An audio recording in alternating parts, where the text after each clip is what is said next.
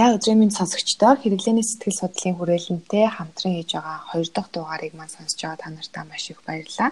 За өмнөх дугаарт бол 9 хүртэлх сартай хүүхдийн сэтгэл зүйн онцлогийн талаар бол ярилцсан байгаа. Тэгээ хэрвээ тэр дугаарыг сонсохыг хүсэх юм бол M+, Castbox болон iTunes дээрх манай подкастаас 18 дахь дугаарыг нь сонсоорой гэж хэлмээр байна. За харин энэ удаагийн дугаарт бол 3 хүртэлх насны хүүхдийн бие физиолог болон сэтгэл зүйн хөгжил онцлогийн хандлаар ярилцах гэж байна. За ингээд зочинтойгоо танилцъя. За сайн байцгаана уу. Би сэтгэл судлалын өрөөлөнгийн сэтгэл зүйч Совдон Чимэг байна. Өнөөдөр та бүхэнтэй 9 сартаагаас 3 нас хүртэлх хүүхдийн бие физиолог физиологийн хөгжил болон сэтгэл зүйн хөгжлийн талаар ярилцах гэж байна. Аха. За тэгэхээр өөрийгөө бас жоохон дэлгэрэнгүй танилцуулбал тий. Аа яг мэрэгчлэрээ хэдэн жил ажиллаж гин хүүхдийн сэтгэл зүй дээр бас хэр удаан ажиллаж байна. За би болохоор нөгөө хүүхдийн сэтгэл зүйчээр ажилладаг байгаа. Тэгээд мэржлэрээ ажиллаад ерөнхийдөө 3 жил болж байгаа.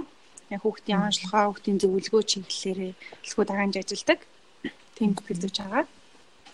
За тэгэхээр өнөөдрийн сэдэв маань болохоор 3 хүртэлх настай хүүхдийн онцлог байгаа шүү дээ. Тэгэхээр ерөнхийд нь онцлогын талаар бас хэлж өгөөч.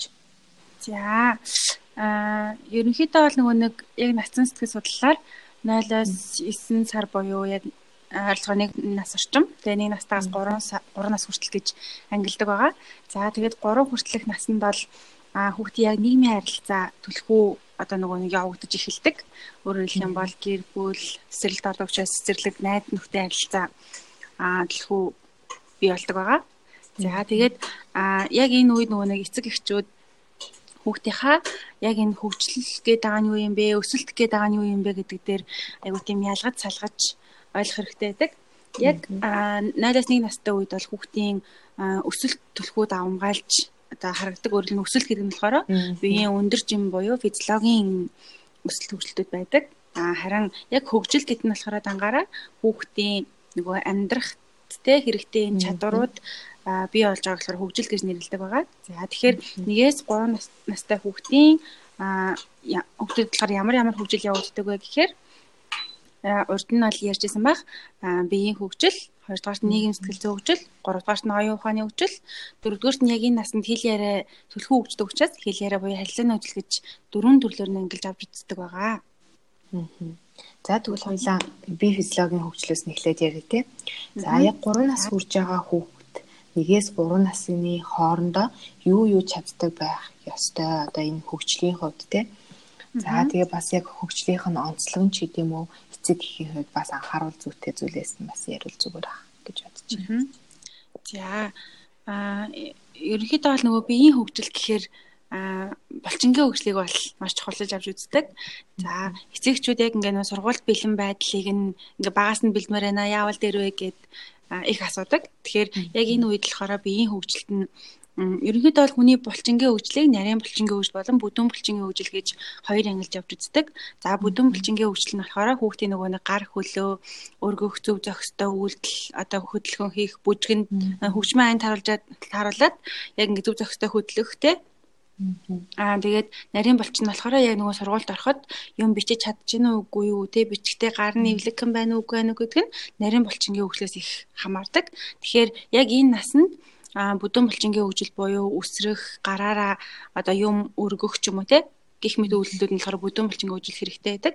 Харин нарийн булчин нь болохоор яг энэ нөгөө чимхлүүд жишээлх юм бол будаа чимхийг бол нөгөө нэг хүүхдийг сургууль бэлэн бэлтгэх гэхэд нь гараа үзгээ зөв барьж сурахт нь их чухал үрхтэйдэг. Тэгэхээр өөрөлдөх юм бол нарийн булчинг нь хөгжүүлэх ямар нэгэн одоо нөгөө нэг зүйл хийх нь айгүй чухал байдаг. Өөрөөр хэлэх юм бол сургууль бэлэн байдал нь энэ үед одоо хэрэг а нарийн булчиг нь хөгжүүлж байна ээ бүдүүн булчиг нь хөгжүүлж байна гэдгээс бол одоо хөдөлгөөн талаасаа бие хөгжил талаасаа айгу чухал байдаг а гэсэн үг. Яхаа тэгээд э, хэрвээ хүсэх юм бол нэг эцэг эхчүүдэд нэг ягаан дэвтэр байдаг шүү дээ. Тийм. Нөгөө нэг тийм тэр дэвтэрнээс л яг яг биеийн хөгжлийг нь харж болно. Яаж өсөрч чаддаг байх хэвээр а яг яаж ингэ нэг ганцаараа сууж чаддаг болохын хоолоо яаж идэж чаддаг байх хэвээр гэдэг юмнууд бол мэдээж мэдээж олж болж байгаа. За тэгэхээр бас нөгөө эцэг эхчүүд мань бодож байгаа. Нэг настай хүүхэд гэхээр дөнгөж одоо хөлд орж байгаа, ярьж сурж байгаа хүүхэдтэй. Тэгтэл 3 нас гэхээр аль хэдийн хөлд орсон, аль хэдийн яриа сурсан, өөрийгөө илэрхийлээ сурсан хүүхэд байдаг штэ. Тэгээ яагаад энэ хоёр насны ийм их хөгжлийн зөрүүтэй байхад нэг насны бүлэгт ингээ хамруулад авч үзээд байгааг бас гайхаад иж магадгүй. Энэ дээр бас тайлбар хийх хэрэгтэй баг тийм.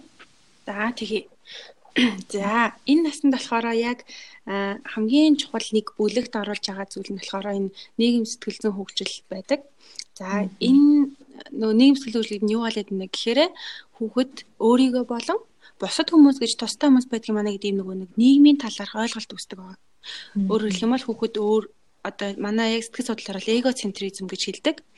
Өөрөөр хэлэх юм бол аа би чинь тустай хүн юм байна. Ээжээс тустай хүн юм байна. Аабаас тустай хүн юм байна гэдэг ийм нөгөө нэг нийгмийн ойлголт бий болдог байхгүй юу? Тэгэхээр яг эндээс үүдэлтэйгээр одоо жишээлх юм бол аа нэг настайгаас эхлээд хүнээс юм харамлж эхэлдэг шүү дээ.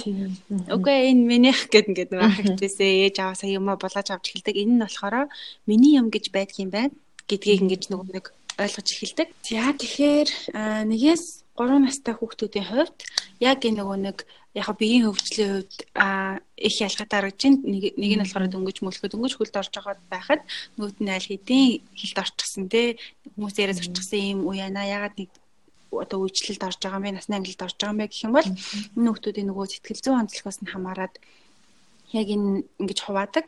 За тэнгуут яг энэ сэтгэл зүйн онцлог нь юу одоо нөгөө нэг ямар шалтгааны утламаас ингэжийнэхээр хүүхдэд нийгэм болон би гэдэг хоёрын хоорондох юм нөгөө ялгаа заг бий болдог байгаа. Өөрөөр хэлбэл хүүхэд өөрийгөө таньж эхэлдэг. А бусад хүмүүсээс байгаа маа гэдэгээс таньж эхэлдэг байгаа.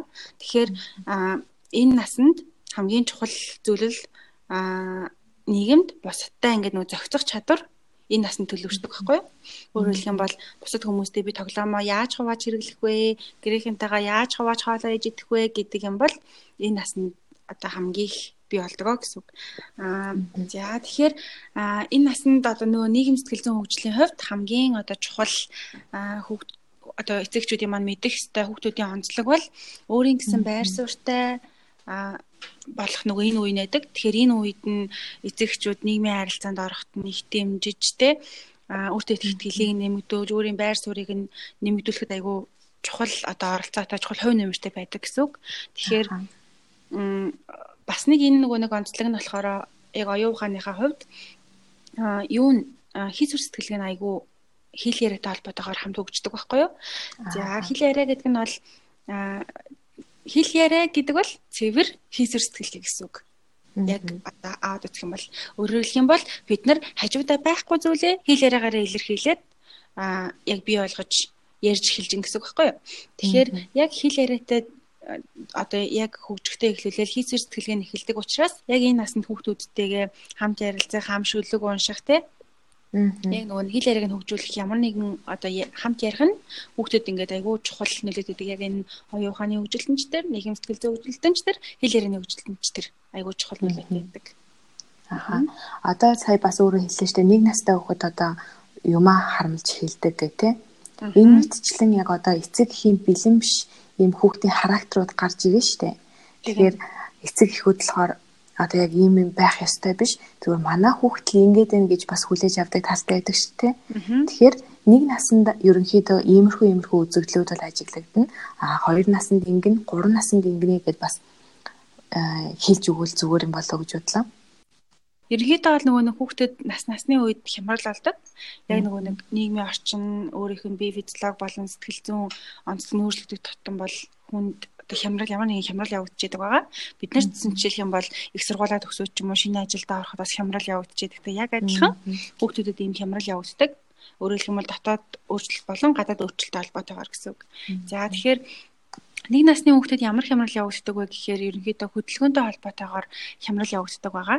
За энэ хөө хямрал нь болохоор хүрээлэн байгаа орчин өөрчлөгдөж одоо нөгөө өөрөө бас энэ нөгөө нэг одоо хөдөлгөөнд орж өөрчлөгдөж байгаатай холбоотойгоор яг нөгөө хямрал явагддаг. Хэлцааны хувьд тий ингээд бос хүмүүс нөгөө нэг өөрийгөө загнаж тий яг өөрийнхөө байлгах гэж хичээснээс болоод их хямрал явагддаг. За өөрөөр хэлбэл хөдөлгөөнтэй холбоотойгоор гэсэн үг. За 3 настай хүүхэд болохоор хямрал нь яаж явагддаг вэ гэхээр яг нөгөө нэг нийгмийн харилцаанд орж эхэлдэг учраас энэ хямрал явагддаг. Өөрөөр хэлэх юм бол хүүхдээ одоо яг яаж хамт тоглох ёстой юм? Яг хамт яаж инех ёстой хамт яаж баярлах ёстой юм гэдэг энэ нөгөө мэдрэмж би болоогүй байдаг учраас а яг энэ дээр нөгөө нэг найзтай холбоотойгоор нийгэмд харилцаа үүсгэхтэйгээр холбоотойгоор одоо хямрал үүсдэг. За тэнгууд яг 3 наснаас хойш 4 5 наснд бас айгүй хэвэн болчдаг те хамт тоглох дуртай. Тийм болчдаг. Яг 3 нас хүртэл болохоор ер нь 3 наснда а яг нөгөө нэг би гэсэн үзэлтэй. Тэгээ яг найзуудтайгаа яаж яаж нийгмийн харилцаанд орох юм, яаж найзуудтайгаа тоглоом ууж тоглох юм те гэдэг юм нөгөө нэг бүх зүйл нь шин байдаг учраас яг энэ нөгөө хямрал явагддаг байгаа. Тэгэхээр яг энэ насны үед болохоор эцэг эхчүүд хүүхдүүдтэйгээ яаж харилцах вэ гэхээр нэг насны хүүхдүүдийг а ер нь бол яг нөгөө сэтгэл зүйн ихэнх онолууд маань а хүнд тодорхой хэмжээний нөгөө нэг энерги бий болдгоо энерги байдаг. Одоо нөгөө нэг физикийн энергийн хууль байдаг шүү дээ. Ямар нэгэн энерги бол ингээ алга болдоггүй. Зүгээр өөр төлөвт ингээ шилжтэйгээ гэдэг яг ийм одоо хуулийн дээр бол манай сэтгэл зүйн зарим онолууд бол ингээ суурилдаг байгаа.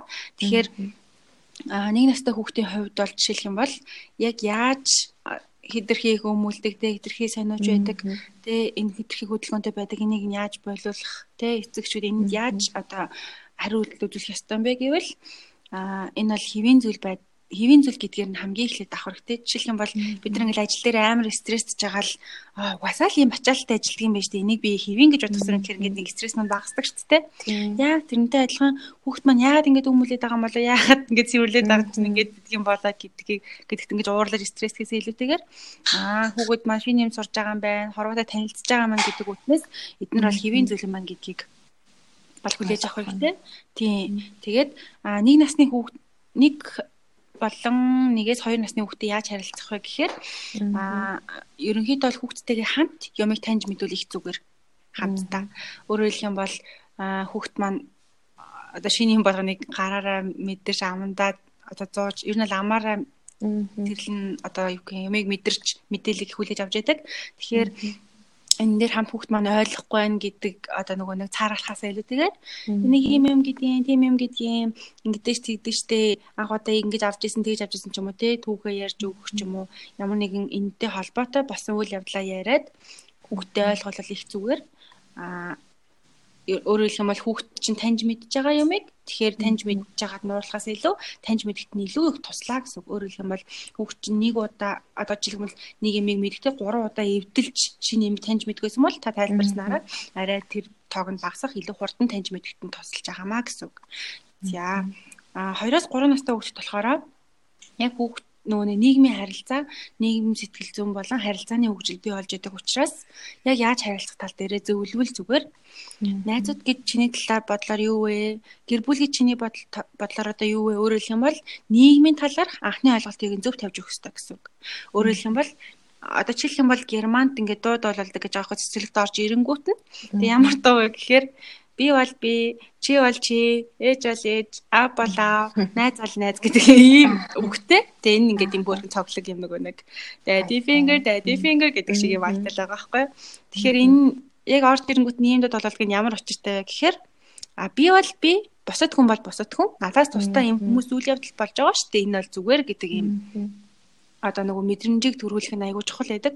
Тэгээ хамгийн гол нь энэ мэдрэмж чинь том бол чинь одоо жишээлх юм бол бид нар өөртөө ихтгэлгүй ч юм уу сэтгэл сэтгэл нь маш их амархан гутардаг ч юм уу те иймэрхүү хүмүүсийг харах юм бол нийгэмд маш их өндөр хүлээлт өгдөг хүмүүс одоо жишээлбэл байгаад байдаг байхгүй юу?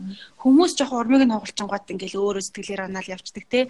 Найзууд нь хэлсэнтэй өрөхгүй байх юм бол сэтгэлээр оноод явцдаг. Тэгэнгүүт эн чинь юутай холбоотой гэхээр найзууд нь заавал өөрөх нь хүснээр байх хэрэгтэй юм шиг, нийгэм заавал өөрөх нь хүснээр байх хэрэгтэй юм шиг те. Гэтэл яг үнэндээ найзууд гэдэг бол тусдаа одоо хүн нийгэм гэдэг бол надаас бүр шаал тустай. А би бол өөрөө өөрөө өөрийгөө мэддэг те өөрөөр сэтгэл хөдлөлөө удирдаад эерэг болгож чаддаг. Ийм хүн шүү. Би чинь мундаг шүү гэдэг энэ мэдрэмж чинь яг 3 наснаас буюу нийгэм болон би гэдэг энэ одоо нөгөө нэг ойлголт мэдрэмж би олох үеэс одоо айгуу чухал одоо суурь нэдэг гэх юм уу. Тэгэхээр яг 2-3 настай хүүхдэд бол хамгийн чухал ойлгох ёстой зүйл бол нийгэм гэдэг юм тустай одоо ингээл амар олон хүмүүс байна те. Эмээ өвөө те ах эгч үеэл гэл. Гэтэл энэ хүмүүс бол тэр гэртээ юу хийж байгаа бол чамаас тусдаа одоо нөгөө өөр ямар үйлдэл хийж болно дээ те гэдэг ч юм уу те. Өөр өөр өөрхийн амьдрал ингээд тусдаа тусдаа өрнөж байгаа чиний амьдралаас тусдаа өрнөө. Тэгээ ерөнхийдөө бол энэ насны хүмүүстэд хамгийн чухал одоо ойлгох хэрэгтэй зүйл бол би бол одоо ингээд ганцаараа тий тоглоомоо тоглоод ээж автайгаа хамт цагийг өнгөрөөгөө тустай одоо байж гин. Тэрнээс гадна одоо манай ангийн хүүхдүүд бас тустай. Тэгэхээр эндээс эхлээд тустай гэдэг нь бол болчихно. Дараад нь нөгөө нэг энэ суурь нь тавьчих юм бол дараа нь тустай авчаас хүндлэх ёстой. Чи хүндлэлмээр байх юм бол гэ дараагийн нөгөө нэг суурьуд өөр өөр юм явагдах гэдэг шүү дээ. Тэгэхээр ер нь бол 2-оос 3 настай хүүхдүүдэд бол мэдээж нөгөө нэг өөр одоо бүх юм л минийх юм шиг те бүх юм л өөрийнх нь юм шиг юм мэдрэмж төрн яагаад гэвэл эго центризм буюу өөр дээрээ төвлөрөх өөрийн гэсэн мэдрэмж бий болдог учраас одоо энэ бол маш их бий болно. Энэс болоод ээж нь бол те чи ямар харамж муухай штэ гэдгийг ээж аваасаа сонсон те. Гэхдээ энэ үед хамгийн гол нь бий бол тустай хүн энэ тустаас хүмүүс байгаа. Тэгэхээр энэ найзуудаа чи тоглоомоо өгж болох уу ч юм уу эсвэл хамт тоглож болох уу ч юм уу те. Ямар нэгэн байдлаар нийгмийн харилцаанд зөв оролцоолох, зөв ойлголт одоо өгөх зөв хүлээлтийг бас бий болгох нь айгүй чухал байдаг. Одоо яг ингээл хүүхэд нь яг ингээд нэг муухай ашиг гаргалаа штэ. Ойлж чарлаад зөрүүдлээ аав ээжигээ зохиод задаал. За яг тэгэж тесэрч явах үед нийцэг гэхүүд яаж харьцуул хүүхдээ амархан тайвшруулж амархан одоо энэ ойлгохгүй байгаа зүйлийг ойлгуулж чадах бол. За тэгээ энэ дээр ингээд нөгөө нэг манай сэтгэл судлаачдын яриад хүмүүжлээ эерэг аргын талаар ярьж эхэлдэг байгаа. Аа. Аа би сая нөгөө нэг урагшаа явчихад ирсэн байхгүй юу? Тэгээ урагшаа явчихад ирсэн чинь нөгөө яг хайнаан руу тэгэхэд ингээд нөгөө нэг онгоцон дотор жишээлх юм бол нэг хүүхэд ингээд уйлаад байгаа байхгүй юу? Тэгээд бүр ингээд тасралтгүй сүлдээ нэг хүүхчнээ ихэр татдаг шүү дээ. Ингээд 4 цаг нисгэхэд ингээд 2 цагт нь уйлчихж байгаа байхгүй. Тэгээд би тэндээс яг ингээд юу харсан бэ гэхээр яг тэрний өмнө би ингээд нөгөө нэг замын өдрөө яг богоноор очихдоо яг ингээд нэг хүүхэд уйлаад сүулдэ ингээл ямар ядаргаатай юм бэ гэд хажуудлын хүмүүс уурлаад энэ хүүхдээ туугаалгаж юм болгож гэдэг үг сонсож байгаад яг ингээ хятадд болохоор ингээд бараг тэнд байгаа онгоцны үйлчлэгчээсээ ингээд хажууд нь сууж байгаа хүн болгон ингээд чихээр авчираа. За алей тэгээрээ гэл өвөр дээр ингээд явуулаад амжуулаад байгаа байхгүй. Тэгэхээр яг ингээ монголчууд одоо жишээлх юм бол хятадд бол ингээд нэг юм үе бий болцсон байгаа байхгүй. Хүүхдийг ингээ эргээр хүмүүжүүлдэг. Хөөхөд үлдээсэн ч юуж ойлгохгүй учраас тэрс загинж болохгүй гэдэг юм бодолтой нэг үе бий болцсон а гэтэл Монголд болохоор ингээд нөх хүүхэд бол юу ч мэдэхгүй те. Сайн загинж явах хэрэгтэй эсвэл юу ч мэдэхгүй юм чи загинсан чи яах юм гэдэг юм бодолтой эцэгчүүд айгүй олон байгаа тань л та. За тэгээд энэний талаар ярихын тулд эхлээд нөгөө нэг сэтгэл судлаач нар ярихдаа яг хүүхдийн эрхийн талаар ингээд ярьдаг байхгүй тэгээ яг энэ хүүхдийн эрх гэдэг чинь болохоор хүүхд бие физиологи сэтгэл санааны хувьд тэгээ нийгмийн харилцааны хувьд зөв хөгжиж төлөвшөхөд тэг яг ингэж суур тэр хүүхэд энэ эрхүүдийг эдэлжээж бие физиологийн хувьд юуныхаа нийгэм сэтгэл зүйн хувьд тэгээд харилцааны хувьд зөв хөгждөг юм байна гэдэг ийм судалгаатай. Тэгэнгүүт яг энэ нөгөө нэг эрх нь болохоор яг хөгжих, оролцох, амьдрах, хамгаалах гэсэн дөрвөн эрх байдаг.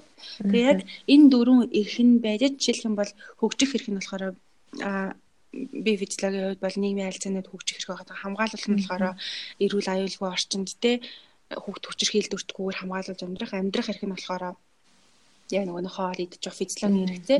Тэгээд оролцох хэрэг нь болохоор өөрийнхөө дуу хоолойгоо илэрхийлэх, үзэл бодлоо чөлөөтэй илэрхийлэх гэдэг юм хэрэг байгаа байхгүй? Тэнгүүд ийм эрхийг илэрхийлжээж одоо эрх гэхээр жоохон хүндээсэн цэцэж магадгүй. Гэхдээ энэ бол нөгөө хүний ингээд нөгөө зөв хөгжил явагдахад те зөв ингээд нөгөө interaction гэж ярьдэн штэ харилцан үйлчлэлд ороход те ингэжээ чинь нөгөө хүүхдийн хөгжил зөв явдаг. Тэгэнгүүт яг энэ хүүхдийн эрхийг зөрчдөг юм нөгөө хүчирхийллийн хэлбэрүүд байгаа шүү дээ. Хүүхэн хүчирхийлэл, сэтгэл санааны хүчирхийлэл, бие махбодын хүчирхийлэл, бэлгийн хүчирхийлэл гэдэг дөрвөн төрлийн хүчирхийлэл байгаа.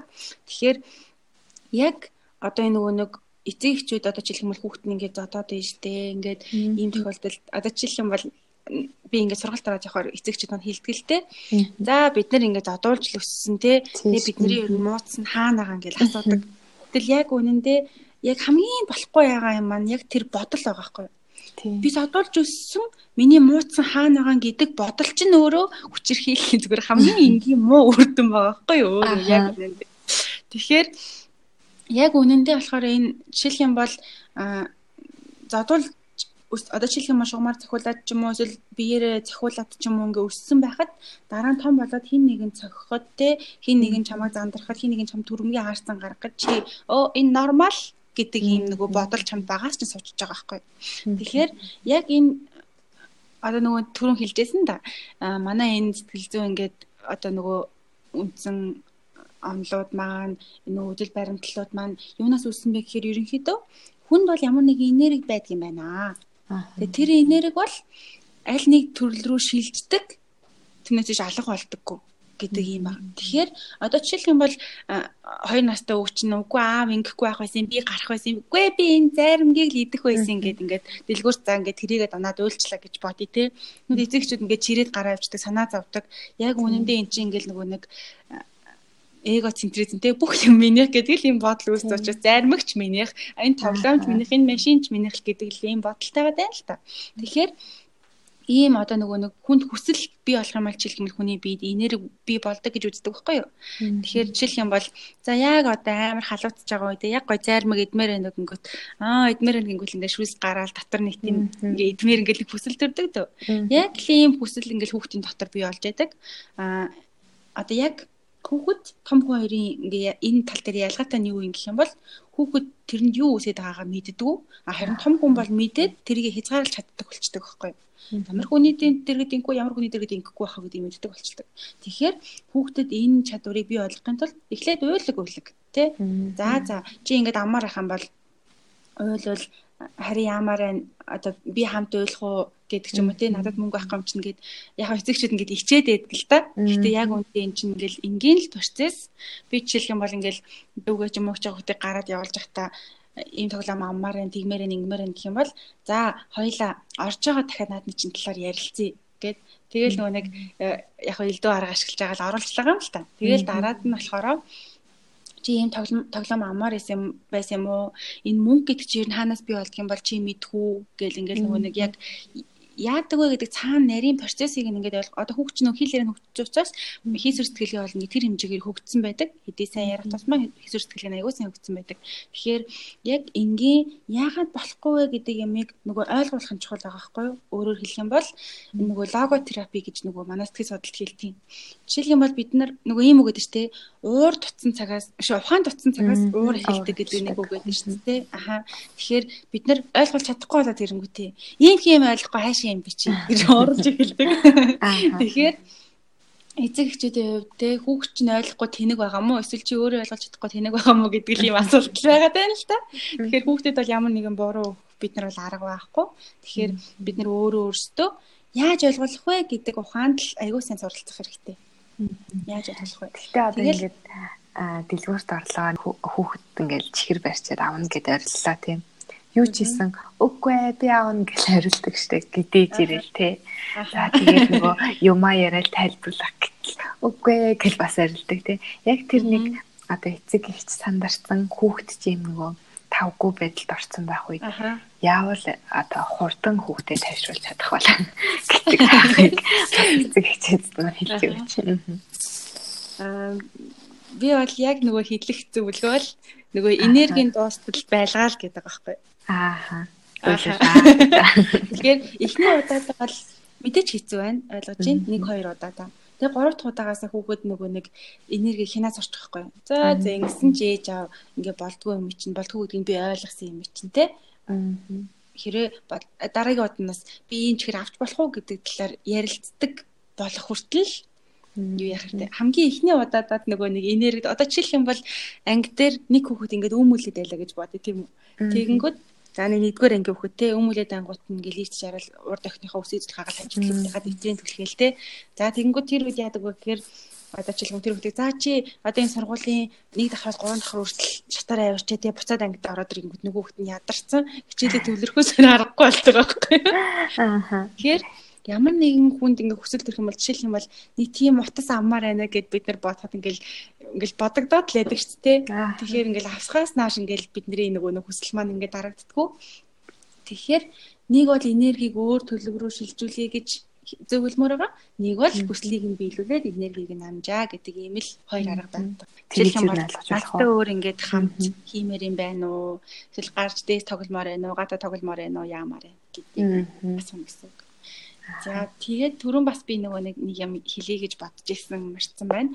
Аа яг нөгөө нэг хүүхдээ ингээд нөгөө загиндагч те бид нар энэ талаар нөгөө нэг яг яах вэ гэж түр дэгжсэн шүү дээ. Ингээд загинцдаг аа бид нар яах вэ гэдэг. Тэгээд аа ерөнхийдөө бол ингээд нөгөө яг бид нар хүүхдээ ойлгуулж чадж уу гэдгийг хамгийн түрүүнд харах хэрэгтэй. А нөгөө талаасаа бидний ингээд нөгөө хэлж байгаа үг болго маань том хүн бол одоо ингээ нөгөө нэг ямар нэгэн мэдрэмж төрн шүү дээ. Одоо ингээ ууртай байна, аз жаргалтай байна, гомдолтой байна, гонигтай байна гэдэг мэдрэмж бол бид нэр өөр өөртөө ихэнх тохиолдолд ойлгочдөг тий. Аа би баялаад байгаа юм байна аа би гомдоод байгаа юм гэдгийг ойлгочдөг а гэтэл хүүхдэд болохоор энэ мэдрэмжээ нөгөө нэг ойлгох чадвар таньж мэдэх чадвар найгуу хөгжөөгөө байдаг учраас жишээлх юм бол чи одоо хувцас ингээ өөрөө өмс чадахгүй ста нэг өдий том болчиход гэж загиндаг ч тий тэгэнгүүт одоо жишээлх юм бол энэ үгийг яг одоо ингээ өөрт чинь ч юм уу одоо хэлий тий одоо подкаст юм сонсож байгаа нэг эцэгт хэлээ те. Чи одоо ингээ өөрөө ажиллаж чадахгүй ямар сонио муу юм би чи гэд хэлэнгүүт бид нарт ямар мэдрэмж төрөх үү? Би үнэхээр муу юм бах та гэж боддог те. Би юм уу юм уу? Өө би юм хэн гэж юу гэдэг юм бодол төр шүү дээ. Тэнгүүд яг энэ мэдрэмж болохоор хүүхдүүд одоо төрж идэг. Чи стейж аваагаа бодохгүй чи юм нэхэд тахта яад юм чи ч юм уу те. Эсвэл одоо чи битээ уйлаад те. Ингээл бид нар ингээл нөгөө нэг байн ингээл загинчдаг яг ингээ нөгөө өөдөөс мань юм хэлж чадахгүй болохоор Тэнгүүд яг одоо ингээ нөгөө нэг энэ үгнүүдийг сонсож байгаа үе төрж байгаа мэдрэмж нь надад төрж байгаа мэдрэмж бол насан турш надад төрж байгаа мэдрэмж бол хүүхдийн хувьд төрж байгаа мэдрэмж хоёрыг адилхан хамгийн гол нь насны хүчтэй ойлгочдөг байгаа байхгүй юу? Хүүхд болохоор ойлгодгүй тэнгүүд нэг нөгөө нэг ийм мэдрэмжүүд ингээд хоримтлагдал идэг тэгэхээр яг хүүхдтэй хэлж байгаа үгээ ер нь бол өөртөө хэлээд үзээ гэдэг ийм эхлээд өөртөө хэлээд үз гэдэг ийм зөвлөгөө өгөх гээд байна л та. Тэгэнгүүт жишээлх юм бол а одоо юу гэдэг чинь те чи хувцас амждахгүй ямар муу юм гэх юм бол ингээ өөртөө их итгэлийг нь бууруулад байгаа байхгүй юу? Аа. Би муу хүүхэд юм байна. Ингээд би зарим хүүхдүүд ч уу их хөөрхөн шүү дээ яна аав ээж хоёр би яг аав ээж хоёрын хүүхэд муу юм болоо энэ бод зүрдэл төрсөн явж идэг. Тэгээ ингээ над дээр болохоор нэг 3 настай хүүхэд ирж исэн. Тэгээд тэр үг болохоор яасан бэ гэхээр нөгөө нэг аав ээж нь тоглоомоо хураа гэж их загиндаг. Аа. Тэгээд а ер нь бол энэ нөгөө нэг эцэг эхчүүдийн хувьд ингээд тоглоомоо хураахгүй ах, гэрийн буулгах, тэр хүмүүсийн гэрийг болгох хүүхдийн хувьд их тийм хэцүү байт юм байл та тэр ээж авч ээж авнарт. Гэтэл яг үнэндээ а за эхний миний хэлж байгаас нь болохоор хүн ер нь амьдралынхаа турш гурван л үйл ажиллагаа явуулдаг. Хүн яг сэтгэл зүйчийн үдээс харах юм бол эхнийх нь болохоор яг бага насндаа сургуулийн өмнөх наснд тоглох гэдэг үйл ажиллагаа байдаг. Хоёр дахь нь болохоор яг 6-аас 20 наснда ер нь 22 наснда сурах гэдэг үйл ажиллагаа байдаг. Гурав дахь нь болохоор 22-оос а одоо тэтгэврт гарах хүртлээр ажиллах гэсэн юм гурван л үйл ажиллагаа явуулдаг. За тэгэнгүүт жишээлх юм бол намайг ингээд ажил дээр очиод ингээд сэтгэл зүйн зөвлөгөөгөө ингээд байж исэн чинь хин нэг хүн чи одоо яа ажиллаад байгаа? Чи одоо гэрлүүгээр ярьж амраач чи? Тэгэл одоо ямар санагдах вэ гэтэл яг энэ бол хүүхдэд хүүхд хэлж байгаа. Чи яагаад ингээд тоглоод байдаг наа тоглоомоо хураа чи гэр орноо цэвэрлэг гэдэгтэй ингээд яг адилхан байгаа байхгүй юу? Тэгэхээр бид нар бол одоо нөгөө нэг бид нар ажил хийхдээ шинэ юм сурдаг шүү дээ. Яаж шинэ PowerPoint бэлтгэв, яаж шинээр ингэж сургалтын хөтөлбөр бэлтгэв, яаж ингэж очих юм зөвлөгөө ингэж үний мэдрэмжид тулгуулад өгөх вэ гэдэг юм бид нар ажиллах явцад сурж идэг тийм үү? Яг тарих маань яг ажиллаж идэг. Тэнгүүд яг энэ тарих ажиллах процесс хүүхдийн хувьд болохоор тоглох үед явагдаж идэг. Орон зайн баримжаа, зүү тогтлыг олох нь тий бүхэл аналог одоо нөө сэтгэхгүй мэтгүү гэдэг бүхэл сэтгэлгээ нь яг энэ тоглоомоор дамжуулаад бий болж идэг. Тэгэхээр хамгийн нэгдүгээрх нь хүүхэд чинь одоо ингээд ямар нэгэн тоглоомоор тоглоод тий энийг бол шин юм сурж байгаа яг хичээл сурж байгаа юм шиг л энийг чухал үйл ажиллагаа шүү гэдгийг л айгүй сайн эцэгчээр хүлээн зөвшөөрөх хэрэгтэй. За тэгээ над дээр ирсэн тэр нөгөө 3 настай хүүхэд болохоор яасан бэ гэхээр айгүй нөгөө нэг тоглолдог угаасаа тоглох нь ингээд үнцэн үйл ажиллагаа нээжэдэг. Гэтэл нөгөө эцэг нь болохоор ингээд нөгөө гэр өмүүлээд агаад нь жоохон дургуулад чи тоглоомоо хураач гэгээд ийм үг хэлсэн байгаа. Ер нь аль их жоохон ширүүн хэлдэг ялангуяа аав нь. Тэгээд тэр хүүхэд яасан бэ гэхээр дотор нь ямар мэдрэмж төрөх үү бид нар бүгд дотроо зүгээр бодчих тий. Жишээлх юм бол хин нэгэн хүн ирээд наа ширээ чи ямар заваа наа ширээгээ цэвэрлээч гэдэг ингээ хэлэхэд над бид нарт ямар мэдрэмж төрөх үү ямар ядаргаатай юм би би өөрийнхөө баймаар гэдэг мэдрэмж төрнө шүү дээ. Тэнгүүд нөгөө хүүхдэд бол яг миний яг ингээд таамаглалаараа л яг л тийм л мэдрэмж төрсэн байгаа. Тэгэнгүүт нөгөө хүүхд маань эцэг хин хандсан болсон шалтгаан нь яасан бэ гэхээр тоглоомоо ерөөсөө эмгэгцтэй биш зүгээр л шкаунд ингээд цэгцгүй ингээ хураачдаг. Өөрөөр хэлбэл харагдах байдлаар хураацсан. Тэгэнгүүтээ ээж аав нэг шин тавилга авсан чинь нөгөө тавилган дээр ингээд нэг тоглоомоор ингээд зурцсан байнгут нь манай хүүхэд нэрээ яагаад байгаа юм болоо гэд ингээд сэтгэл зүйч дээр авчираад хандсан байгаа. Тэгэнгүүт нөгөө хүүхэд маань ер нь бол ингээ ямар нэгэн зүйлийг бойл битгий хий гэдэг ямыг хэлэх тусам нөгөө хүүхэд маань нөгөө битгий хий гэж хэлж байгаа хүний дэргэд л тийм биш байхаа болж эхэлдэг. Жишээлбэл өсвөр насны хүүхдүүд ээж аав нь чи ямар төргөө ууртай энэ чи битээ уурлаад игэнгүүт ээж аавынхаа дэргэд л уурлахаа болдог. Сургууль дээр очиод бол анги найзуудаа уурлаад эцэг багш нартаа уурлаад л байж идэг. Тэгэхээр хүүхдийн мэдрэмжийг ингэж нөгөө нэг дарж те одоо жишээлх юм бол нөө эцэгчүүд битгий уйлаад чи гэлцээгэнд шүү дээ. Тэгэнгүүт одоо битгий уйлаад гэдэг чинь уйлах гэдэг чинь нөгөө нь хүний айгуу тийм нандин үйл байгаа байхгүй юу? Сэтгэл хөдлөлөө илэрхийлэх. Уйлах гэдэг чинь яг сэтгэл хөдлөлөө зөвөр илэрхийлэх айгуу тийм айгу зөв сэтгэл хөдлөл гэх юм уу. Хүн баярлагтай уйлдаг, тэрхий сайхан байгаа учраас хүн гойногтай уйлдаг, ших гомддог учраас те. Гэтэл гомцсон учраас уйлж байгааг нь ингээд жишээлх юм бол ийм хүүхэд том болоод уйлж чаддаггүй те. Эсвэл ямар үед уйлахаа мэдгүй ийм хүүхэд болохыг үүсэхгүй.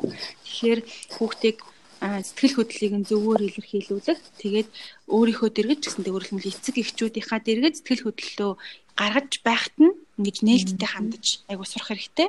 Тэгэхээр тэр 3 настай хүүхдийн хувьд болохоор эцэг эхийнхээ дэргэд нөгөө нэг битгий тоглоомоо тоглоод тоглоомоо чи хурааж гэж хэлжсэн учраас эцэг эхээ дэргэд яг нөгөө нэг уураа тий тоглоомоороо баяр баясгалан гэж гаргаж чадахгүй тэгээд яг тэр ууралснаа л хүрх юмт ингээд нөгөө тавилган дээр зорж илэрхийлсэн байгаа юм л та.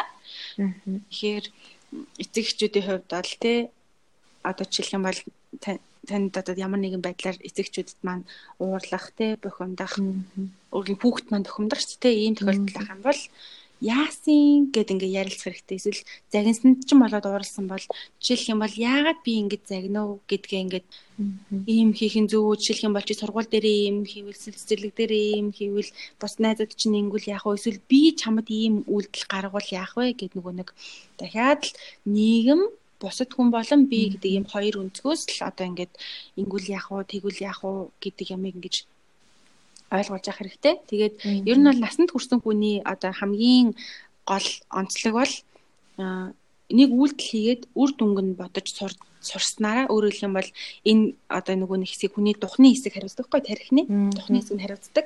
Духны хэсэг нь их сайн хөгжсөн болохоор л хүн ингээд нөгөө шийдвэр гаргахтаа эцэгцтэй ийм үйлдэл хийх юм бол бид нэр А гэдэг үйлдэл хийх юм бол Б гэдэг үйлдэл гарна гэдэг юмыг ойлгож чаддаг болсон байдаг учраас нас нурсны ялгаадаг. Хүүхэд болохоор одоо ялангуяа 3 хүртэл насны бол бүр л жоохон энэ өсвөр наснд хүрээд л арай гайг болдог шүү дээ. Тэгэхээр энэ бол бүр баг. Тэгэхээр жишээлх юм бол тоглоом хураахгүй байгаа нь тоглоом хураавал яг уу хураахгүй юу яг уу ээж нь яагаад ингэж уурлаад байгаа юм бол аав нь яагаад ингэж уурлаад байгаа юм бол гэдэг юм а хүүхдтэйгээ ярилцаад. Тэгээд хүүхд ч юм уу өөрөөр буруугаар ойлгоцсон байж болно шүү дээ. Тэгэхээр яг хүүхдтэй зөвөр ойлгуулах, зөв өнцгөөс нь харуулах үүднээс яг ингээд хамгийн гол нь юм ярилцах айгуу чухал. Одоо ингээл эцэгчүүд одоо ер нь ингээд ярилцгаа болцсон л байгаа юм л та. Над дээр ингээд насны хүүхэд зөвлөгөө өгөх гээд авах гээд ирсэн чинь за чи ээж автагаа юу хийх дуртай вэ гэд асуулаа. Тэгсэн чинь ээж аа хоёр зурагт үзээд байж байвал би дуртай гэж байгаа байхгүй юу?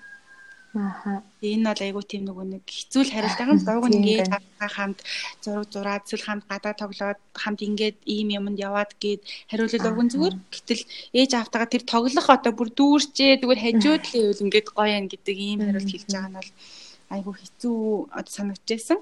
Тэгээд бас нэг нөгөө нэг өнгөрсний өнгөрсөн жил нөгөө эцэг эхчүүдтэй ажиллаж агаад аа эцэг хүүхдүүдтэйг ингээ ерөөсөө ярилцдаггүй байна л гэдэг ийм нөгөө нэг үр дүнд хүрсэн баггүй. Угаасаа ярилцдаггүй л байгаад байгаа л та манай эцэгч. Тэгээд хүүхдтэйгээ гэхдээ тэр бол өсвөр насны хүүхдтэй эцэгчүүд байсан. Тэгэд нэгэнт нөгөө багаас нь ингээ яриаг очиж өсвөр насны дээр очиж ярихад яг эцэгчүүд хэцүүлсэн баг л та. Тэгэд өдөрт та нар 10 минут 7 хоногийн турш ингээ ярьчаад ирээ гэдэг юм дагалгавар өгсөн. Тэгээд тэгсэн чинь эцэгчүүд маань болохоор яасан бэ гэхээр аа ерөөс яриаггүй ирсэн баггүй юу? Тэгээ яасан бэ гэхээр Тэгээ саний ярих юм олддгүй юм байлээ шүү дээ. Энийгээд байгаа юм. Имгүй юм бэ гэдэг. Имгүй юм байна шүү тэгээд. Тэгэхээр ер нь бол нөгөө нэг бид нар багаас нь ингээд нөгөө нэг нандин юм аа ингэж хамт ярилцаж сурааг учраас том болоод босоо нь бол бүр ярилцахад хэцүү. Тэгэхээр ялангуяа бүр багаас нь ээж нь тэгэж бодсон байхгүй юу? Аав нь тэгэж бодсон байхгүй юу гэл бид нар насанд өвчөж ингээ хоорондоо ойлголцохгүй ярьдаг шүү дээ. Яг тэрнтэй адилхан л хүүхдтэйгээ мэдрэмжийг нь гадагшлуулах, өөрөө өөрийгөө ойлгоход нь туслах, эсвэл ядаж ингээ эцэг гэхийгээ одоо жишээлбэл ээж аав нь ингэж бодож исэн байхгүй юу гэдгийг хүүхд нь өгөөр ойлгоход туслахын тулд хүүхдтэйгээ маш сайн ярилцах хэрэгтэй. Ярилцах нь өөрөө нийгэм сэтгэл зүйн хувьд ч тэр харилцааны хувьд ч тэр хүүхдийн хөгжилд айгүй чухал нөлөөтэй. Тэгээ ярилцсанараа аа аав маань тустай бодолтой хүн байсан юм байна. Ээж маань тустай бодолтой юм байна. Би бас жоо өөрөөр бодсон байсан гэдэг хүүхэд яг ингээд бүрэн ойлгохгүй ч гэсэндээ дараа нь ингээ ярилцвал ээж аа өөрөөр бодсон байдаг гэдэг нь ингээ яваан да. Ингээл нөгөө нэг нийгэм гэдэг чинь өөр тустай юм шүү гэдэг л юм юу би болох юм л та ойлголт гэх юм уу? Мэдрэмж. Бид нар бол ингээ мэдрэмж гэж ярьдаг л та. Нийгмийн талаарх мэдрэмж гэж ярьдаг. Тийм тэгэхээр тийм. Бас нэг ярих маш чухал зүйл болохоор хүүхэд нөгөө нэг яг нэгээс 3 наснда өөрөө бие засч сурдаг. Аа энэ нь болохоор нэг талаасаа нөгөө физиологийн хэрэгцээ байдаг. Яг ингээд хүссэн үедээ шээх эсвэл баах нь яг ингээд нэг талаасаа физиологийн хэрэгцээ нөгөө талаасаа зөв үед те яг шокондо байх үед би эцсэх нь болохоор яг энэ нөгөө нэг одоо манай сэтгэл судлалаараа л дотоод одоо дур таашаал гадаад нөгөө нэг хим хэмжээ гэсэн юм хоёр юмыг зохицуулж сурах сурах хэрэгцээ байгаа байхгүй юу. Тэгэхээр яг энэ үед болохоор нөгөө хүүхэд би зас сурах гэдэг нь цаашдын өөрийгөө хянаж сурах одоо энэ нөгөө юутай одоо чадвартай айгу чухал холбоотой гэж үздэг байгаа. Тэгэхээр яг нөгөө нэг бие зас сурах нь чи ингэ шийдсэн бах юмаа чи ээ чи ингээд ээ чи баацсан бах юмаа гэдэг ингээд нөгөө нэг загнаад гэхдээ одоо ч гайгүй эртэл юу яадаг болсон юм шиг байгаа. Сургачдаг болсон юм шиг байгаа. Тэгэхээр эрт сургацсан байвал бүр сайн. Хэрвээ сургаагүй байх юм бол энэ одоо яг өөрөө өөрийгөө хянж тэ за би хизээ бицхөө одоо миний одоо шээс хүрч чинь жишээлх юм бол би хизээ шээх вэ хаан шээх вэ гэдэг ямыг эергээр тэ хэнийг нь загнуулахгүйгээр тэгтээ өөрөө өөрийгөө удирдах чиглүүлээд авч явах нь цааш цаашдаа жишээлх юм бол цаг баримталдаг болох ч юм уу те яг өөрийгөө ингэ хянах. Энгийн энгийн юмнууд дээр энэ айгу чухал нөлөөтэй байдаг гэж ер нь бол олон судалгаас гарсан байдаг. Тэгэхээр яг нөгөө нэг өөрөө бие зас сурахт нь эцэгчүүд эергээр би зассан байх юм бол цаашаа магтаад үгүй байх юм бол ингэхгүй бол найз чинь чамааг ингэн бусад хүмүүс бүгдээрээ ингэж бие засдаг гэдэг юмыг аягуулсан ойлгох хэрэгтэй. Байдаг. За яг өмнөх кейс дээр нөгөө эцэг гэх нь манай хүүхэд нэг л биш вэ шүү гэж боддог гэж хэлсэн шүү дээ. Тэрэн шиг одоо манай эцэгчүүд яг энэ насны хүүхдүүдэд за манай хүүхэд их харамж эсвэл ааш мутайч гэдэг юм ингээд нэг тодорхойлоод идэг шүү дээ. За тэгвэл яг хизэнээс хүүхдүүдэд хувь хүний одоо энэ зан характер сууж эхэлдэг бай. Одоо яг ингээл би том хүмүүсийг бол хараад за энэ их зөөлхөн хүн, энэ бол их шудраг хүн ч гэдэг юм ингээд тодорхойлдог штеп. За яг тиймэрхүү одоо хувь чанарууд нь хизэнээс яг бүрлдэж бий болж эхэлт юм бэ. За яг нөгөө нэг а яг тэдэн наснаас яг эдэн наснаас гэд хэлэхэд бол мэдээж хэцүү. Яг нөгөө нэг 09 сартай үеийнхэн те эцэг гэж нөгөө энэгшил гэж байдаг гэж хэлсэн шүү дээ. Яг нөгөө хүүхэд а одоо нөгөө яагаад анх төрөд уйлдаг вэ гэд нэг юм асуултанд яг яг шинжлэх ухааны үүднээс яг ингээм салж эхэлдэг учраас ингээ уйлдаг гэд яг сэтгэл зүйн хувьд бол хүүхэд маш жижигхэн орчинд байжгаад айгу том орчинд гараад нөгөө нэг айсны солоод уйлдаг гэж манай сэтгэл зүйн зарим онлогоос үддэг байхгүй юу. Тэгэнгүүт яг энэ үед одоо жишээлбэл 09 сард нь те эцэг их одоо ээж болон хүүхдийн харилцаа А болон хүүхдийн харилцаа хэр дасан төсөж ингэж ээнэгшсэн бэ гэдгээс хамаарат дараагийн нөгөө нэг юм шатууд ингэ тавигдчихж байгаа шүү дээ. Тэгэнгүүт яг урдны энэ хөгжилттэй эцэг эхийн харилцаа холбоо яг нөгөө энэ гişх холбоо яг ямар хөө тавигдсан бэ гэдгээс хамаараа дараа дараагийн мэдээж нөгөө нэг шатууд нь өөрөлдөх юм бол өөрийгөө илэрхийлэх те бусдыг хүлээн зөвшөөрөхийн хандлагууд бол бий болно. А гэхдээ яг ерөнхий үеийн гэж үсэх юм бол яг 3 насл гэж үзнэ. Яг ингээ нөгөө биеэ дагаад тэ энэ насандаа гэж үзнэ. За тэгээд яг энэ насанд яаж хүүхдээ ингээ харамж биш болгох вэ? Яаж хүүхдээ ингээд нийтэж болгох вэ гэдэг энэ асуулт бол эцэгч энд айгүй их болно яг хүүхд ингээл харамж байгаа юм шиг санагдана. Тэгэхээр яг энд би юу гэж зөвлөх гээд байна вэ гэхээр яг хүүхдийг ингээд хараад ангууд өөрийн гэсэн яг юмтай байж үзээгүй. Одоо жишээлх юм бол шив шинээр машин авч өгөхөд наадах найзтайгаа хуваа гэх юм бол тэр хүүхэд мэдээж хизээж хуваахгүй. Тэгэхээр ямар нэгэн байдлаар өөрийн гэсэн юмтай аа миний юм гэж байдаг тэ одоо ээж аав минийх гэвэл хүүхдийнх байжиг тэ энэ бал минийх энэ бамбрууш минийх энэ тим юм минийх гэх юм бол тэр хүүхдийг түрхэндээ байжиг тэ. Өөрийн гэсэн мэдрэмж сууцны дараа хүүхэд бүр тоглоомоо ингээ хуучирсан тоглоомоо найзтай хуваадаг шүү дээ дүүдээ өгдөг шүү дээ тэгэхээр яг энэ процесс л ингээ нөгөө дасан зохицох процесс нь жоохон ингээ удаан явагдсаар л идэг гэсэн үг. Тэгэхээр хамгийн түрүүнд а энэ чинийх байж болно. Гэхдээ энэндээ хуваачих юм бол илүү гоё үнцэнтэй нөгөө хамтдаа хэрэгжилж байгаа зүйл гэдэг юм. Энэ мэдрэмж бий болохын тулд эхний нөгөө нэг суурнал хүүхд өөрийн гэсэн юмтай байг. Би гэсэн одоо нөгөө өөрийн гэсэн өөрийгөө таних өөрийгөө харах өнцөг шүү дээ тэр нэглээд би бодлог тэрний дараа хүүхдээ хуваагаач ээ ингээч ээ тэгээч ээ гэдэг ямыг одоо энэ бол нэг яг процессийнхоо өвцөг байгаа хгүй тэгэхгүй болохоор би гэж байдаг миний юм гэж байдаг гэдэг юм би болоогүй байхад хуваагаач чи ямар харамч юм бэ чи гэдэг ингээд ахын бол энэ хүүхдийн дараагийнх нь процесст нь дараагийнх нь хөгжлийнхаа шатанд нь ер нь жоохон сөрөг нөлөөтэй байж болно. За тэгвэл харамч явахаар хэр ихэндээ л нормал гэсэн үг байна шүү дээ. Ааха. Тий. Хүүхдийнхээ тархийг хөгжүүлэхэд эцэг эхчүүд их анхаардаг штеп. Аха тий. За одоо эхний яг 3 жилд нь их анхаар гэж ярьдаг тий. За тэгтэл одоо би фэйсбүүкээр сүүлд нэг юу пост хийсэн. Нэг бас нэг блог хөтэлдэг гэж маань хүүхдээ ингээд баг сартаагаас нэхлүүлээд уншиж сургах тийм аргын талаар танилцуулсан байсан л да. За тэр арга нь болохоор зөвхөн тэр ээж чинь ингээд танилцуулж байгаа юм биш олон улс тугаасаа нэвтэрсэн ээжүүд бас хэвлээ явдаг тийм арга юм байна л да.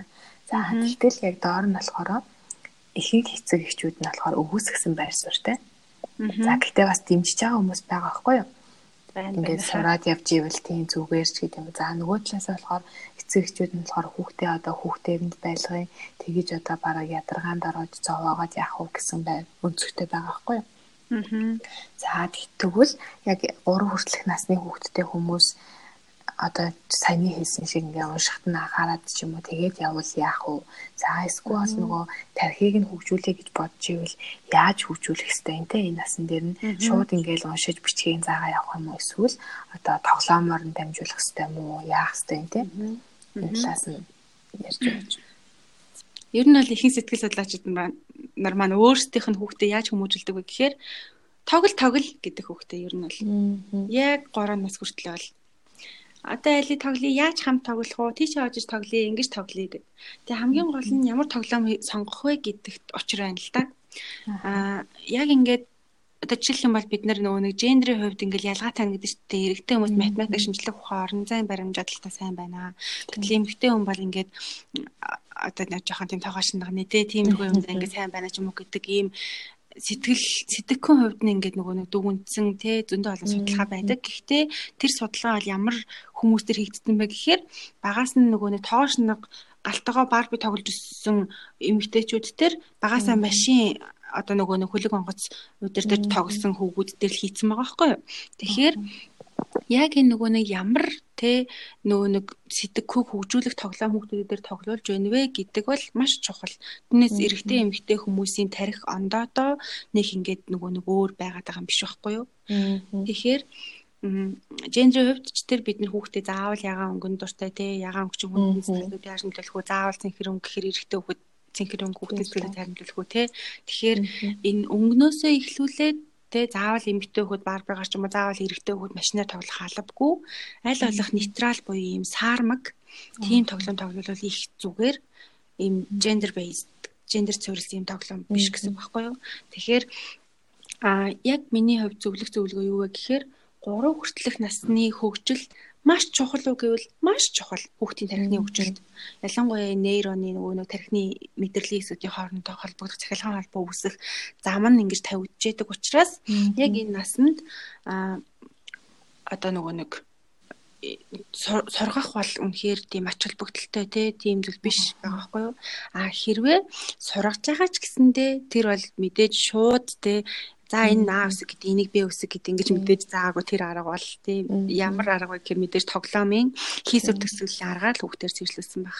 Тэгэхээр яг уу мэдээж нөгөө нэг тэгж болно. Гэхдээ хүүхдийн нөгөө нэг хүчлэхгүйгээр а ямар нэг хүүхд нэг юм сониуч зан анхаарал төвлөрөх хугацаа тэгээд ой тогтоолтын багтаамж гэдэг юм чинь 3 наснд бий болж ирсэн тэ. Тэгэхээр тэрнээс хитийдсэн ер нь бол насанд хүрсэн хүний хувьд нэг удаадаа цээжлэг тогтоох юм нөгөө нэг чанк гэж ер нь бол ярьдаг л да нэгж гэх юм уу да. Жишээлх юм бол огт үсэг мэддэг мэддэггүй хүний хувьд жишээлх юм бол би совдон чим гэдэг нэрийг хэлэх юм бол 11 ширхэг үсэг буюу 11 ширхэг нэгж мэдээлэл ингэж тогтоох хэрэгтэй болж байгаа байхгүй юу? А гэтэл хэрвээ одоо нөгөө нэг чанкаар мэддэг хүний хувьд л а совдон тэгээ чимэг юм байна гэх ингээ хоёрхан чанкаар явж байгаа байхгүй. Хэрвээ намайг таньдаг хүн байх юм бол а энэ совдаа гэх нэг л чанкаар ингээ цэглэж байгаа байхгүй. Тэгэнгүүт яг хүүхдийн хувьд энэ чанкны хувьд ч гэсэндээ ер нь бол 3-5-ын хооронд л хэлбэлцэж байгаа Тэгэхээр нэг удаадаа цээжлэх чанг буюу нэг удаадаа цээжлүүлэх те тогтоолох юмны хувьд л яг 3-5 л байна. Түүнээс их байх юм бол нөгөө хүүхэд маань 14 5 наснда над ямар ч хүүхэд нас байгаагүй намайг яагаад ингэ зовоос юм бэ наваа тоглохгүй яасан бэ гэдэг ийм харамсал харамсал хэрвээ төрүүлмэг байх юм бол тоглох наснд нь тоглоулаа сурах наснд нь сургасан л хамгийн үр дүнтэй. Аа За тэгвэл бага наснд нь за одоо 3 хүртэлх настай хүүхдүүд те. За үгүй би яг ингээд уншуул сургамаар нь олон хэл ингээд сургамаар нь яг тэр аргаар нь ингээд хөгжилтэй байдлаар сургамаар нь гэж бодож байгаа ээжүүд бай гэж бодлоо л та. За хэрвээ тийм хүмүүс байлаа гэхэд хэрвээ 3 нас хүртлээр үнэхээр ингээд олон юм ингээд сураад мэдсэн хүүхэд өсвөр насндаа ч гэдэм үү те. Том болсон хойноо бусад хүүхдүүдээс үнэхээр одоо илт мундагч гэх юм уу? эсвэл илүү ингээ юмыг ойлгох чадвартай гэх юм уу? Илүү одоо ингээд олон зүйлийг сонирхож судлах тийм чадвартай ч гэдэм үү тийм байж үнэхээр чадах уу? Мм яг ямар аргаар ашиглаж ийн гэдгээс л ер нь хамаарах байх л та. Яг нөгөө нэг үнэхээр тоглоомын хийсвэрлэх аргаар. Ер нь бол нөгөө нэг оюухан актем гэдэг ч тийм. Тэнцээ болохоор хүүхдүүд яагаад тэгэж хурдан цэжлээд яагаад тэгэж одоо юу яагаад байна вэ? Ингээд үр дүнд хүрээд байна вэ гэхээр айгүй зөв аргаар яваад байгаа байхгүй юу? Яг зөв аргаар. Тэгэхээр яг хүн жишээлх юм бол одоо жишээлх юм бол Том Джерри дээр ингээд нөгөө нэг Том Джерриг ингээд нэг тийм төмрөөр зөхөнгөт ингээд Джерригийн хэлбэртэй ингээд болоод идэг шүү дээ. Яг хүнтэй амьдрал дээр тийм байдгүй шүү дээ, тийм үү?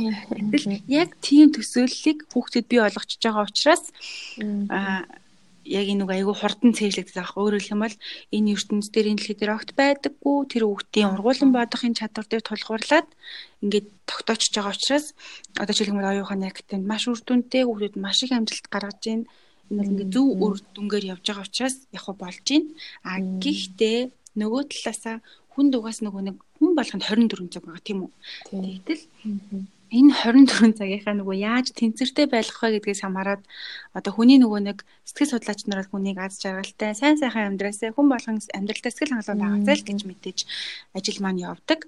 А гэтэл нэг хүүхэдтэй намайг ингээ багаас маань ингээ хичээл хийлгэсэн ч юм уу те надад ямар тоглох цав байгаагүй надад ямар ч хөгжилдөх цав байгаагүй амьдралын сайн сайхныг мэдрэх цав байгаагүй гэвэл энэ маш харамсалтай. Тэгэхээр хүүхд нь үнэхээр амьдралын утга учир үнэндээ юу юм те хүүхд чинь үнэхээр тэр утга учирыг мэдэрч амьдарч чадж байна. Амьдрал нь үнэхээр тийм байж чадах уу энэ англи хэлийг сураад энэ хэлийг сураад гэвэл гэдэгтээ өөрөө эхлээд хариулчаад тэрнийхаа дараа хүүхдэд санал болговол илүү дээр баха гэж үчнэ. А түүнээс биш те би хийж чадаагүй хүүхэд маань намайг гүйцэх ёстой гэж хэрвээ харьцаж байгаа бол энэ мэдээж хүүхдийн сонголт байх ёстой. Таны сонголт биш гэдгийг л гэж л бодож байна миний хувьд. Гэтэ энэ мэдээж миний сэтгэл зүйчийн төгсгөлөх ховийн зөвлөгөө эцэгчүүд маань өөрөөр бодож авах юм бол мэдээж та бүхний бас зөв байж болно.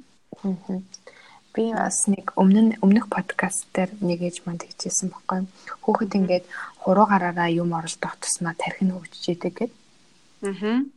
Энэ одоо бас яг сэтгэл зүйн шинжлэх ухааны зүгээс яаж тайлбарлагддаг вэ?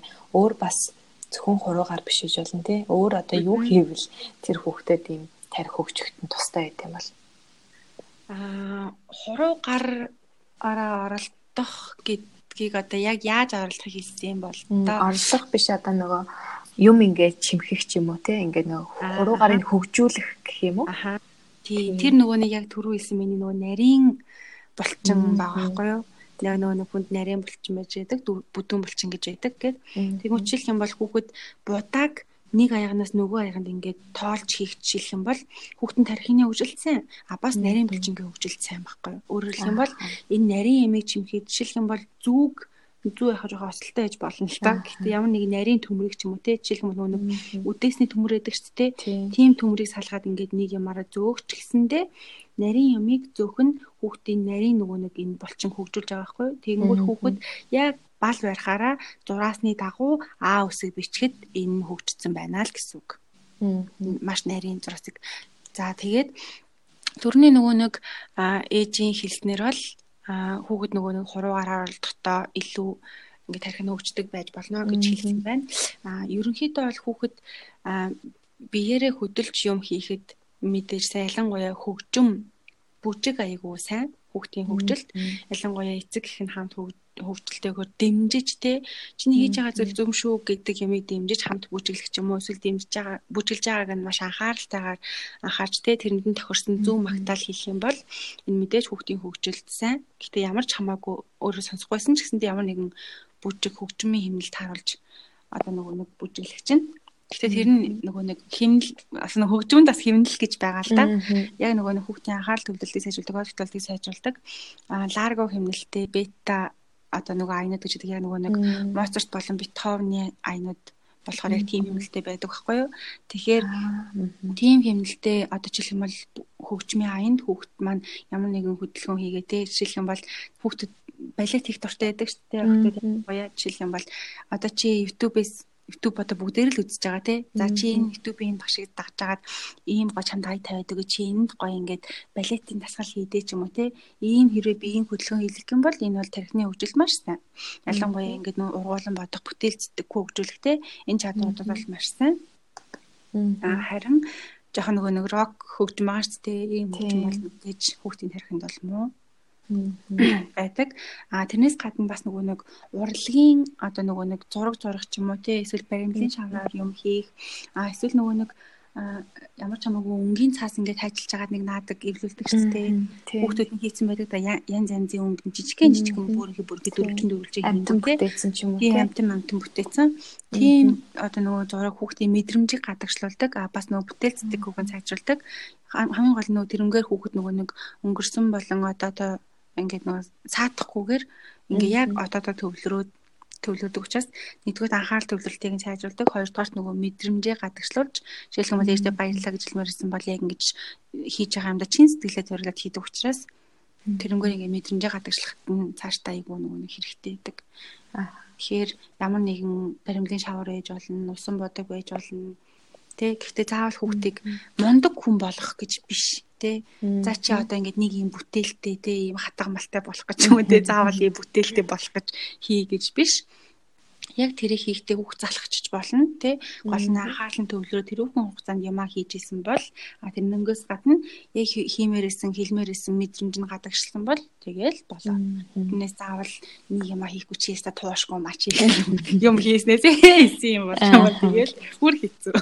Тэгэхээр яг нөгөө нэг нөгөө нэг чанартай цаг гэж байдаг. Чанартай амьдрал гэдэг чанартай цаг гэж байдаг. Тэрний адилхан хийсэн зүйл маань чанартай байх юм бол тэгээл ер нь бол болно. Аха. Аа тэгээд биеийн хөдөлгөөн хүүхдийн тархинд чухал байдаг учраас л ер нь та хүртэлх насны хүүхдийг зурагтаас хол байлгаа, дэлгэснээс хол байлга гэдэг юм байна тий. Ер нь бол нөгөө нэг аа яг ингээ хөдөлж сурж явахдаа хүүхэд биеэ удирдах сурж байгаа байхгүй юу? Ааха. Хүүхэд бие. Аа, ингэх үедээ би сууд юм байна. Ингэх үедээ одоо жишээлх юм бол хүүхэд дээсдээ дэрзэндээ чартаад жах юм бол энэ маш сайн.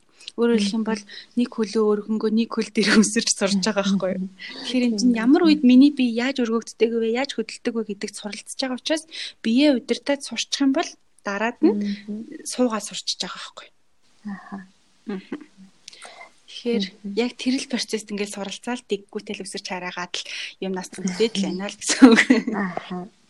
За, за тэгвэл нэгээс 3 настай хүүхэдтэй хүмүүс юун дээр илүү анхаараарэ гэж зөвлөх вэ?